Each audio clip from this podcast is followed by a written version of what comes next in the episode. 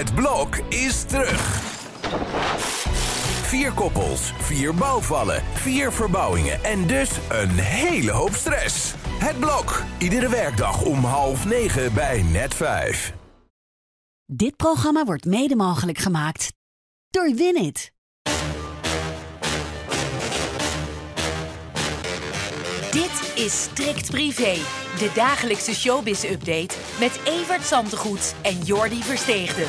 Die we vandaag beter een therapiesessie voor de sterren kunnen noemen, heb ik zo. Het is eh, toch wat met al die mensen. Nou, hè? allemaal huilen. En we hebben zometeen ook nog een BN'er, een presentatrice die de zwangerschap van haar kind vergelijkt met een alien. Nou, wat was dat nou weer? Het Zo- mooiste wat er is in, in de me- mensheid. Ja, we moeten dit even bewaren voor verderop, Ja. dat de mensen even blijven luisteren. Maar eerst toch even naar Duncan Lawrence, want die heeft ook vol emotie gereageerd. Hè? Ja, op eh, wat er gisteren aan de hand was. De krant schreef een verhaal van Richard van der Krommert over zijn optreden in Paradiso. Nou, er was verder weinig op aan te merken. Iedereen dol enthousiast, behalve dat het te kort was. Dat is altijd een goed teken. Mensen zeggen het was te kort, dan eh, heb je het goed gedaan. Ja. Maar ja, de manier waarop je er dan een einde aan maakt. En als je daar dan vragen over krijgt of dat normaal is om gewoon aan het einde van de liedjes... Weg, blijft het donker in de zaal. Ja. Niemand weet dat het afgelopen is. Dat is toch gek? Dus we hebben daar eh, met z'n allen achteraan zitten bellen. En Duncan kwam gisteren met de reacties. Management nog steeds niet. Nee. En eh, Duncan die was daar nogal eh, verbolgen over. Want de media die hadden het gedaan. En, en, Nou, ik heb het er even bij gepakt. Over therapie gesproken. Ik heb geen fobieën. Ik heb geen repetitie gemist. Mijn tickets kosten geen 49 euro. Ik heb ook geen paniekaanvallen meer. Ik spreek gewoon Nederlands. Ik gebruik geen harddrugs. Ik beweeg eh, gezond. Eh, ik heb geen anorexia. Hij wordt bijna saai. Maar ik, ik, ik, ik spreek bij, geen, ik spreek wel Nederlands. Hij zei dat hij dat niet meer ging doen. Toch? Nee, ja, ik niet verzonnen. Precies. Met zijn vriend toen nog naast Ja, hem. met dat, en dat hondje. dat En eh, ja, nee, maar ik, ik Ja. vind het echt zo'n overspannen reactie weer van een gozer die gewoon eens moet zeggen wat er is. En, en niet wat er niet is. Maar gewoon zijn werk moet doen. Mm. Ja. En een mooie show neer moet zetten. Ja. En dit heeft niet goed uitgepakt. Ja, nou dan zeg je de volgende keer beter. Maar zeg iets. Ja. En ga niet doen dat het allemaal weer aan de media ligt. Want het waren je fans die eh, verbaasd waren. En dat zijn de mensen die het meest van je houden. En die het dichtst bij je moet houden. Nou is Duncan Lawrence niet de enige Nederlandse superster die onder vuur ligt. Ook Peter Gillis krijgt er van langs. klein bruggetje. nou ja, Superster, Peter, ja. Peter ligt wel heel erg onder vuur. En, Ja. Maar die legt het niet neer bij de media in elk geval. Dus Nee. eh, Peter heeft wel een paar problemen, omdat zijn, zijn headquarters... Prinsenmeer. Prinsenmeer, dat moet dicht. En eh, daar wonen nogal wat mensen. En waar blijf je met al die mensen? En de gemeente Asten gaat er nogal ma- gemakkelijk aan voorbij, lijkt het. Veel mensen maken zich zorgen of het geld wat ze in hun huisje hebben gestopt... of ze dat nog ooit wel krijgen. En ook de mensen die eh, eh, hebben, die denken van... ja, eh, gaat mijn vakantie nou nog door? Ja. Nou, 538 had hem vanmorgen aan de lijn. Ik kan het zo wel zeggen dat het eh, goed komt en dan kan het allemaal vooruit. Maar in het eerste belang vond ik gewoon de medewerkers. eh, en het tweede belang is eh, de gasten. Ja. En of het dan de vaste gasten zijn, of de recreanten of de seizoeners die geboekt hebben. Ik zie het positief tegemoet en ik denk dat we van de week, wees vandaag, nou, begin volgende week ook met nieuws komen. En dan kan iedereen vooruit.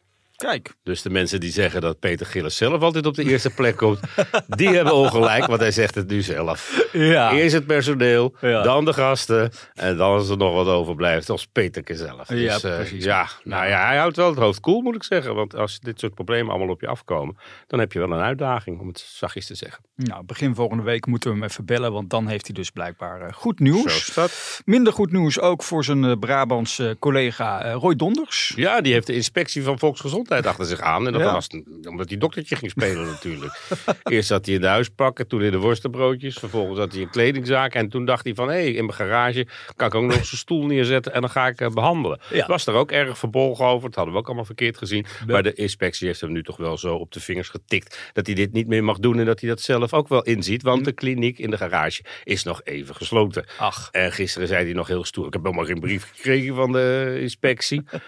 Omroep Brabant had dat onthuld. Ja. En eh, ja, die brief komt eraan natuurlijk. Twee andere klinieken hebben hem ook. En die hebben ook al aanpassingen gedaan. Dus er is in ieder geval een gesprek geweest met die inspectie. En Roy weet wat hem te doen staat en wat hem niet te doen staat. Dat is misschien nog wel belangrijk. Precies. Zou er trouwens nog een, een tweede deel van zijn TLC Real Life soap komen? Want dat was toen, nou, volgens mij best wel een klein succesje voor die zender. Maar we hebben er nooit meer iets over gehoord. Nee, Dat heeft hij misschien nu wel weer nodig. Als ik weet ook niet of het een succesje voor die zender was. Want zoveel gebeurde dat toch allemaal niet. Ik hoorde daar, ik hoorde daar ook helemaal niemand over dat ze gekeken hadden. En dat het leuk was. En eh, oh, die Roy is zo leuk. Daar heb ik niemand over gehoord. Dus Niemand. ons Royke is gewoon een beetje uit, misschien dan. Dat denk ik wel. Ja. En dat verbaast toch ook niemand. Dat was Ja. even leuk, een bevlieging. En het was een, een, een leuk nieuw figuur in de mediawereld. En, Ja. Maar op een gegeven moment is dat ook wel klaar. Nu las ik net een heel epistel voor van Duncan Lawrence. Maar uh, Sophie Hilbrand die kon er gisteravond ook wel wat Zo, van. Hè? kreeg er ook van langs nadat ze haar eh, tranen niet kon eh, bedwingen. Ja. Toen ze zei dat Galit er eventjes niet was door alles wat hem overkomen was. Ja. Ja, ik heb daar gisteravond op tv ook wat over gezegd. Want het is niet zozeer overkomen. Hij zit gewoon middenin. En, Ja. en het AD-verhaal is wat dat betreft hartstikke duidelijk. Ja. Die moet maar even op de blaren zitten, denk Ja. ik. En dan heeft zij het steeds in de tussentijd zit Jeroen Pauw hier. Ja, die tussentijd. Ik, ik moet nog zien dat hij ooit terugkomt. Het wordt een hele lange tussentijd. Eh, Jeroen Pauw heeft gezegd van ik doe dit voor een periode. Ik ga invallen. Maar ja, hij is toch ook wel zo ijdel dat als hij straks voor een lange tijd eh, gevraagd wordt, dat hij dat toch gewoon gaat doen ook. Ja, moet het wel wat beter gaan scoren dan gisteren. Want Ja. ja, Matthijs zat op dat tijdstip de 1,3, 1,4 miljoen elke dag. Ja. Zij tikt net de helft aan. Terwijl mensen best benieuwd waren, denk ik, wat er, wat er ging gebeuren. Hmm. Maar ja, het is niet de gedroomde show. Ik vind dat ook zo'n Ja. Ilko Bos van Roosentaal die daar weer zit. Best- Best een mooi programma, denk ik, over de verkiezingen in Amerika en Florida. Ja. Maar ja, die bemoeit zich dan ook helemaal niet met zo'n discussie. Dat Nou, laat hij ook over aan Hanneke Groenteman. Ja. En die bakte er werkelijk helemaal... Die vonden het helemaal zielig voor Galit allemaal. Wat Ja. hem overkomen was. En hoge bomen vangen veel wind. Ja. Ja, kom op nou, hé. Alsof hoge bomen niks verkeerd kunnen doen. Ja, de- Nee. kom op. En, en ik vond het inderdaad, het, het was ook van de redactie denk ik niet zo'n handige keuze om juist Hanneke dan naast Sophie te zetten. Nee, tijdens en de in die slachtofferrol te gaan zitten. Eh, hoe, hoe zielig ze allemaal zijn. Dat ze arme Galit allemaal eh, eh, kwijt zijn. Ja, Ja, dat is, eh, dat is niet de, de toon die je moet raken. ja. En ook niet de toon die eh, Jeroen had aangeslagen als hij ineens in die eerste show op de eerste stoel gezeten had. over eh, BNM-Vara gesproken en ook gekke uitspraken. Emma Wortelboer, die heeft een interview Emma gegeven. Ja, aan de VARA-gids. ja. Die Nou. is zwanger. Nou, hoe mooi is dat? De droom van elke vrouw. Het mooiste wat er is, in het, in het, in het, hè? dat je zwanger bent en een kind krijgt. En Ja. dan moet zij het weer vergelijken met alsof ze een alien in... in nou, dat Ja. zou me ook niks verbazen als het straks eruit komt. Met dat, maar nou, Ja, mag niet. Nee, Maar niet het, is, het was een schattig.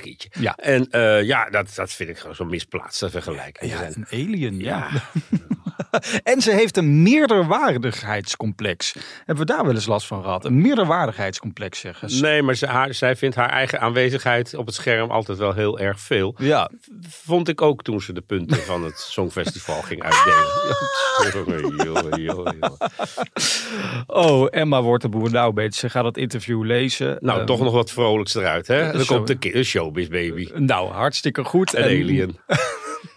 Dan is het morgen privé day. Nou, dat belooft ook een hele Ja, spannende de te Theo. Maassen natuurlijk weer. En eh, ja, we, we hebben we hebben weer een afwisselend blad gemaakt. Wat morgen in de winkel ligt. Wat, eh, waar nu de nietjes in gaan op dit moment, denk ik. Kijk, ik hoor het eh, op de achtergrond inderdaad. En dan zijn we er morgen ook weer om 12 uur met deze podcast. Tot morgen.